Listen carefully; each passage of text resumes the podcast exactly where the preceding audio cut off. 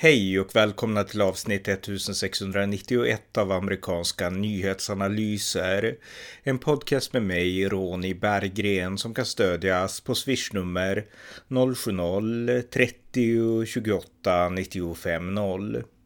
Igår den 17 oktober höll delstaten Georgia en guvernörsvalsdebatt mellan den sittande republikanske guvernören Brian Kemp, hans demokratiska motståndare Stacey Abrams samt libertarianen Shane Hazel. Här analyserar jag debatten. Varmt välkomna! Ja, dags att återvända till delstaten Georgia och i söndags så gjorde jag ett poddavsnitt med journalisten Pelle Zackrisson om senatskandidatsdebatten mellan den sittande demokratiska senatorn Raphael Warnock och den republikanska utmanaren Herschel Walker. Och tanken var att de här två skulle mötas i en ny andra debatt, men Herschel Walker han har backat ur, han har tackat nej och sagt att media och eh, moderatorerna är emot honom så han vill inte vara med. Och eh, han är inte det första, tyvärr, i den här valcykeln 2022 som gör så här. Många demokrater har också backat ur debatter. Eh, inte minst eh, Katie Hobbs, demokraternas guvernörskandidat i Arizona, har backat ur. Och eh, motiven, anledningarna, skälen till att backa ur kan variera. Demokraterna menar ofta att eh, deras Republikanske motståndare är ovärdig att debatteras mot därför att republikanen i fråga har stött eller ja, backat upp Donald Trump. Eh, republikaner som hoppar av, eller i det här fallet åtminstone Herschel Walker, menar att media, moderatorerna är vinklade mot honom så att han hoppar ur av den anledningen. Men oavsett skäl till att kandidaten hoppar av så är det här en oerhörd tragedi. Därför att det här med öppna debatter kännetecknar ju den här fantastiska amerikanska demokratin.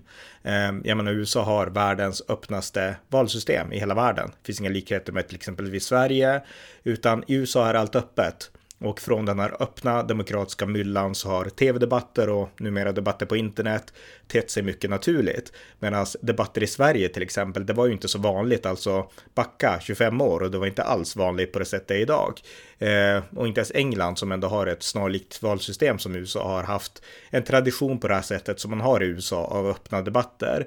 Så att eh, det är verkligen en tragedi när amerikanska kandidater och deras kampanjmanagers Eh, av eh, kampanjtaktiska skäl väljer att inte debattera. Det blir på något sätt att backa från det här unika demokratiska amerikanska. Så att om någon eh, kampanjmanager möjligtvis hör mig nu i USA, snälla sluta inte att debattera, utan fortsätt debattera. Debatterna är en del av den här unika, väldigt inspirerande amerikanska demokratimodellen som hela den demokratiska världen egentligen har inspirerats av. Så att fler, inte färre debatter tack. Men med det sagt så ska jag inte prata om den här icke-debatten som inte blev av nu mellan Herschel Walker och Raphael Warnock, utan jag ska prata om en debatt som faktiskt blev av, nämligen guvernörsvalsdebatten i Georgia eh, mellan den sittande republikanske guvernören Brian Kemp och hans demokratiska ut utmanare, eh, den svarta kvinnan Stacey Abrams. Och eh, lite om den debatten nu. Och eh, bara för att påminna så var det så här att Stacey Abrams och eh, Brian Kemp de möttes även i guvernörsvalet 2018 när båda var nya guvernörskandidater. Och i det valet så vann Brian Kemp med ungefär 55 000 röster över Stacey Abrams.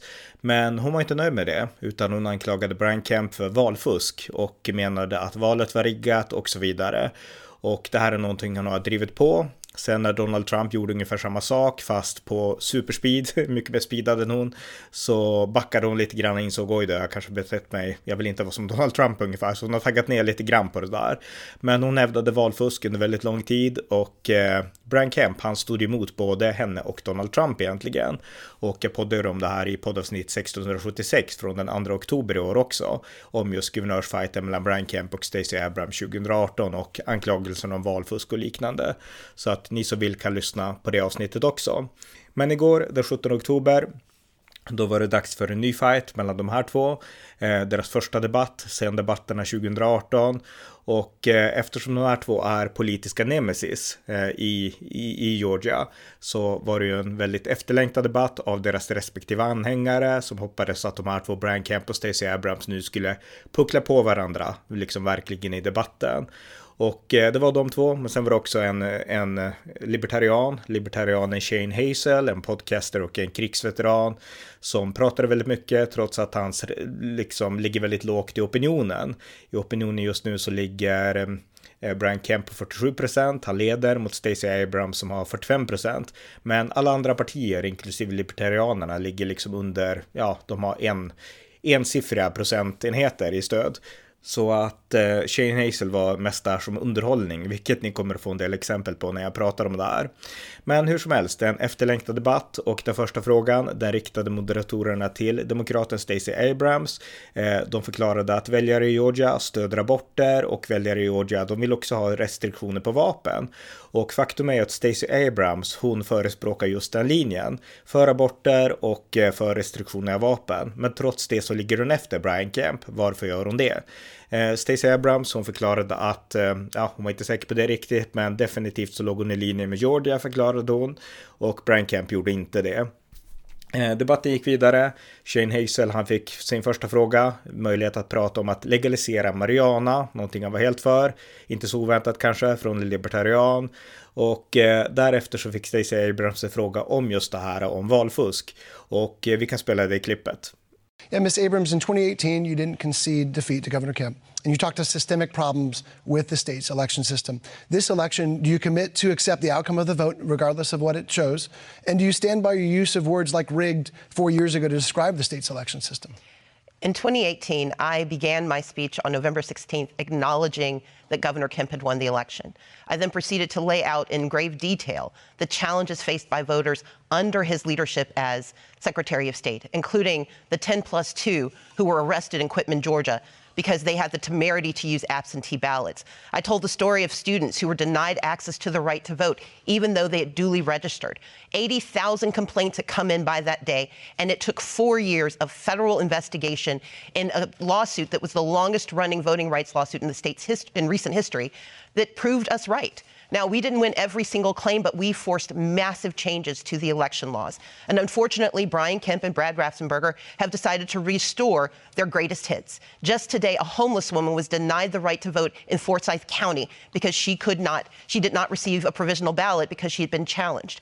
As governor, I intend to stand up for the right to vote. I will always acknowledge the outcome of elections, but I will never deny access to every voter because that is the responsibility of every American to defend the right to vote. Thank you. Brian Kemp, rebuttal, 30 seconds. Well, I would just say uh, Miss Abrams is going to do a lot of attacking of my record tonight because she doesn't want to talk about her own record. In 2018, in the governor's race, we had the largest African American turnout in the country. She said that Senate Bill 202, our recent Elections Integrity Act, what we passed two years ago, would be suppressive in Jim Crow 2.0. Just this past May in our primaries, we again had record turnout in the Republican primary and the Democratic primary. In Georgia, it's easy to vote and hard to cheat. Och eh, debatten fortsatte efter det här. Brian Kemp han fick en del frågor om sjukvården i Georgia, om att bygga sjukhus och liknande. Shane Hazel han fick en fråga om varför han var libertarian. Och eh, därefter så kom han in på, på ett nytt segment i den här debatten som bara var en timme. Och i det här nya segmentet, då fick kandidaterna ställa frågor till varandra. Och det var otroligt intressant, därför att det har inte jag sett förut, att man låter bara kandidaterna liksom officiellt ställa frågor till varandra. Ofta gör de det i alla fall på sidan om, men nu var det liksom direkta frågor, genomtänkta frågor på förhand till varandra.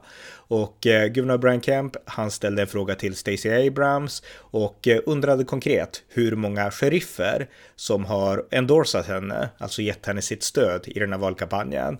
Och eh, Abrams svarade att det Brian Kemp nu försöker göra, det är en taktik. Han försöker få mig att framstå som att jag är emot polisen och emot lag och ordning och det är jag inte. Jag har två bröder, en bror är en brottsling och jag vill att hans offer ska kunna ringa polisen och känna sig trygga.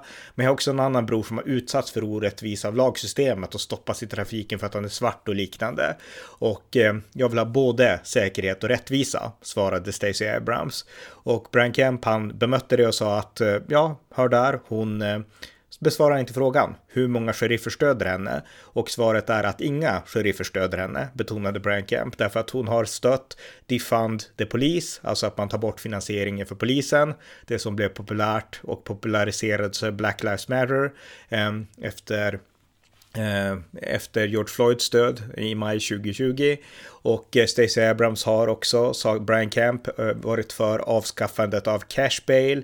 Alltså att man måste betala en kontantsumma i borgen för att få komma ut. Och det är någonting som konservativa för, men som Stacey Abrams har varit emot. Och det vart en, ja, lite grann fram och tillbaka debatt där. Men det var väldigt intressant att kandidaterna där då kunde ställa frågor till varandra.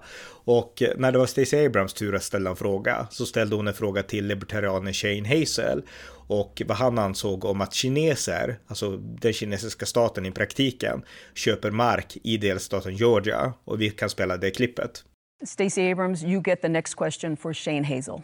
Mr. Hazel, Republicans and Democrats have raised the alarm over the rise in the Chinese Communist Party backed companies purchasing American farmland. To date, they've purchased more than 1 million acres of farmland in the state of Georgia.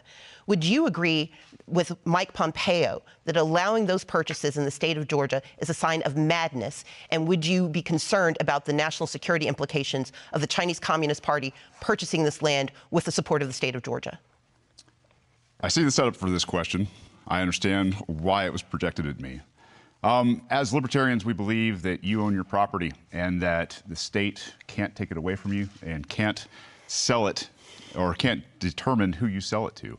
Um, the CCP, obviously, uh, which is going through some its own internal unrest right now, uh, I believe is probably purchasing this with things like central bank digital dollars and yuan.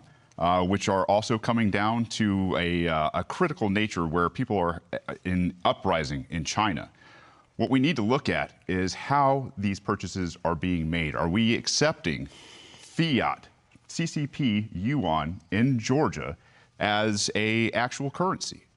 It's about as good as the US currency, the fiat currency that we're about to have hoisted on us in terms of a CBDC. I'm not going to tell you or anybody else as governor how or who to sell your property to. And I imagine that in the end, the, the free market will work itself out. Thank you. Och eh, jag tyckte att det här var en intressant fråga och eh, intressant, eh, ja, intressanta poänger framlyfta av Stacey Abrams. Därför att hon är ju progressiv och hon är demokrat, men hon har en hård syn på Kina. Det märktes ju tydligt när hon liksom pratar om Kina här, så att hon var tuffare mot Kina än libertarianen, kan, kan då påpekas, som trodde helt på att den fria marknaden löser det här. sen blev det då libertarianen Shane Hazels tur att ställa en fråga och han riktade frågan till guvernör Brian Kemp och undrade om Brian Kemp ville be om ursäkt för sin lockdown under coronan 2020. Här är det klippet. Brian, in 2020, on April 2nd, you locked down Georgia, threatening peaceful people with force and coercion. You called people in Georgia non essential, and it killed millions of jobs. You bent the knee to big pharma and pushed a vaccine that was untested on people, and it has killed people. They have lost their loved ones. You've allowed bureaucracy to invade our businesses. And then you had the audacity to brag about record tax revenue. You want to say sorry to anybody? So is that a question or? That is a question. Do you want to say sorry to anybody? Uh, well, look, I'll be glad to talk about my record because obviously uh, Mr. Hazel is gravely mistaken. If you look at the executive orders uh, that I signed, we said every business in Georgia was essential. There was a few that we asked to help us stop the spread, flatten the curve, build PPE supplies and hospital bed capacities.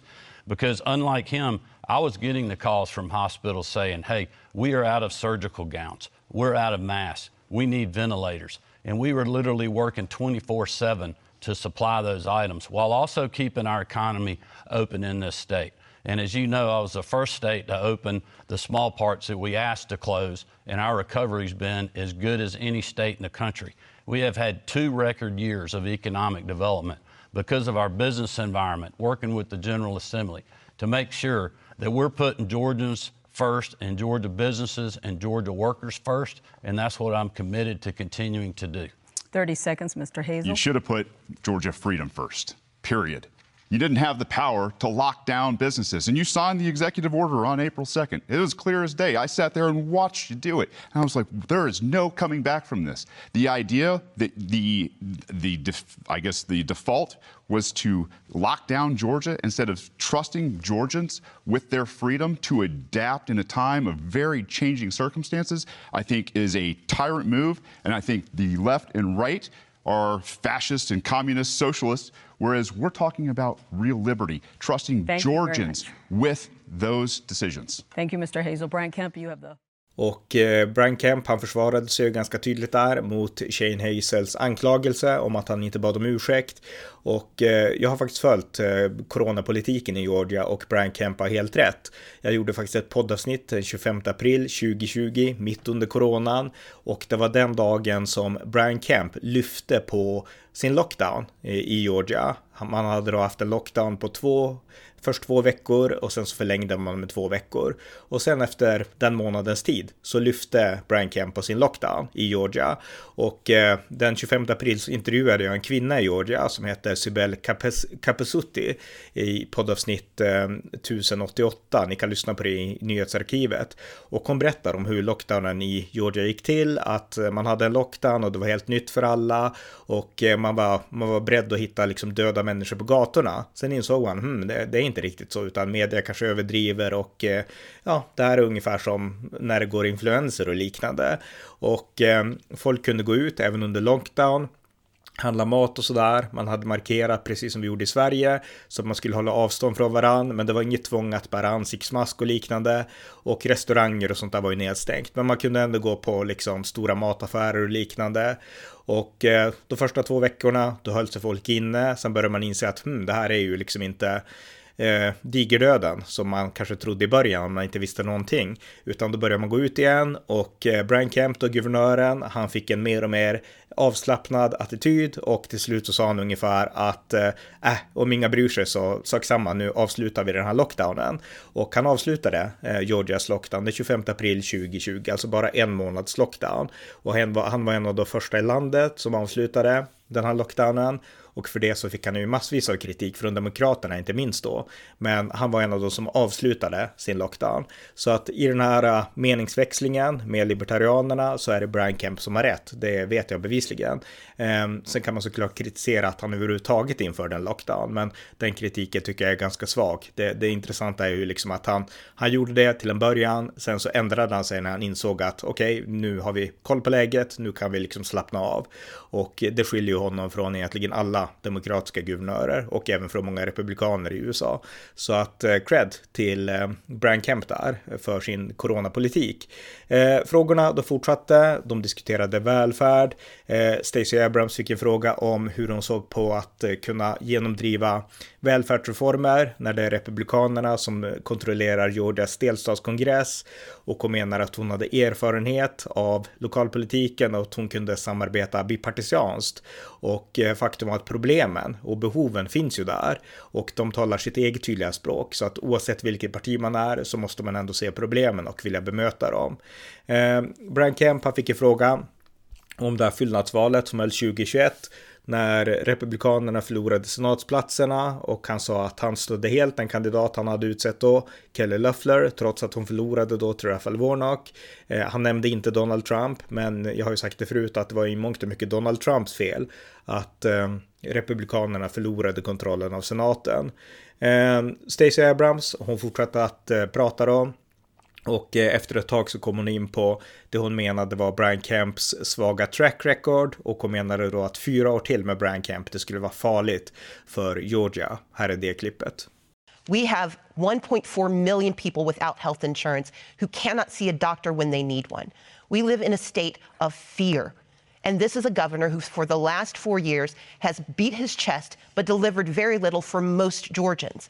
He has weakened gun laws and flooded our streets. He has weakened our privacy rights and our and women's rights. He has denied women the access to reproductive care. The most dangerous thing facing Georgia is four more years of Brian Kemp. Och eh, Shane Hazel då, libertarianen, han fick fler frågor om eh, ekonomi och han menade att han trodde på den österrikiska ekonomiska skolan, sa han väldigt tydligt och eh, staten ska hålla sig borta från ekonomin. Han fick också en fråga om skjutvapen och han menade att han var helt för att privata människor köper vapen och de flesta privata individer, de kan sköta sig ungefär så att staten ska inte lägga sig i vapen och han drog upp ett argument om att de som har dödat flest är inte privata vapenägare utan det är totalitära stater. Eh, och sådär. Så att han var en väldigt liksom, dogmatisk libertarian. Jag kände inte till honom förut, men han var, alltså alla sådana schablonbilder man kan ha om libertarianerna, de eh, på något sätt personifierades i Shane Hazel, som hade liksom dogman rätt, men ja, ni, ni fattar själv, ni som, ni som har fört de här debatterna. Eh, debatten fortsatte sen också med, med andra frågor. Eh, Brian Kemp, han betonade att eh, i vapenfrågan, att han försvarade liksom eh, rätten att äga vapen, tydligt i Georgia. Eh, och eh, han var också emot såklart skjutvåld och man måste kämpa mer mot gängen och låsa in dem som liksom håller på felaktigt med vapen. Men han betonade också, påpekade att de som köper flest vapen, det är svarta och det är kvinnor, förklarade han. Och det finns liksom ingen rasism här eller något sånt där.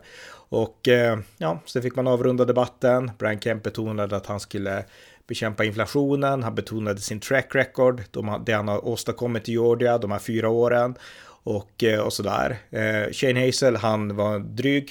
Han liksom slutade inte när tiden var slut utan försökte fortsätta prata och läste nästan liksom innan, läste innan till ungefär i sina frågor. Eh, Stacey Abrams, hon menade att eh, det är dags att göra Georgia mer rättvist och sådär igen. Och eh, ja, överlag en, ehm, det var en kort debatt som sagt, bara en timme, men överlag en väldigt bra debatt. Ehm, vem vann då debatten? Jag skulle säga att den tydliga vinnaren var Brian Kemp, utan tvekan. Ehm, opinionsmätningen nu är som sagt att Brian Kemp leder med 47 mot 45 procent för Stacey Abrams. Och jag skulle säga att det mesta tyder ändå på att Brian Kemp kommer att vinna sitt omval. Stacey Abrams, hon förde inte fram liksom jättemånga nya saker och jag tror att Brian Kemp framstod mycket mer talför och mycket mer kompetent än han kanske gör om man bara ser honom i korta intervjuer. Därför att han måste, han måste få lite tid att värma upp, alltså komma in i kläderna och sådär innan han blir liksom en naturlig pratare. Han har inte liksom flowet i sig naturligt. Men kommer han igång så pratar han jättebra och det bevisar han i den här debatten. Och eh, jag skulle säga tydligt att Brian Kemp vann debatten. Och det kommer att gynna honom och jag tror också att han kommer att vinna sitt omval helt enkelt. Så att en bra debatt i Georgia och Georgia är ju en väldigt intressant delstat då eftersom Georgia har varit centrum för så mycket, både för Stacey Abrams anklagelser och för Brian Kemps, eller för Donald Trumps anklagelser. Och Brian Kemp, han har stått eh, emot, han har stått pall åt båda hållen, både mot sitt eget parti och mot Demokraterna. Så att Georgia är en väldigt intressant delstat och även om vi återvänder till senatskandidaten då, republikanen Herschel Walker, oavsett vad som är sant i hans aborthistoria och liknande så är ju hans plats extremt viktig. Det är extremt viktigt för Republikanerna att Herschel Walker vinner för att Republikanerna ska kunna ta tillbaka senaten. Så att på så vis så är, ja, Georgia verkligen värt att, att ha blicken på inför det här valet. Så att det var lite av eh, min analys då av debatten mellan Stacey Abrams och Brian Kemp i guvernörsvalet. Och de här två ska sägas, jag avslutar med det, de ska hålla en debatt till också. Den eh, 30 oktober så ska de hålla en debatt söndagen den 30 oktober på WSB TV Channel i Georgia. Så att en debatt till mellan de här två. Stort tack för att ni har lyssnat på amerikanska nyhetsanalyser. En podcast som ni gärna får stödja på swishnummer 070-30 28 95 0 eller via hemsidan usapool.blogspot.com på Paypal, Patreon eller bankkonto. Skänk också gärna en slant till valfri Ukraina-hjälp. Vi hörs snart igen. Allt gott tills dess.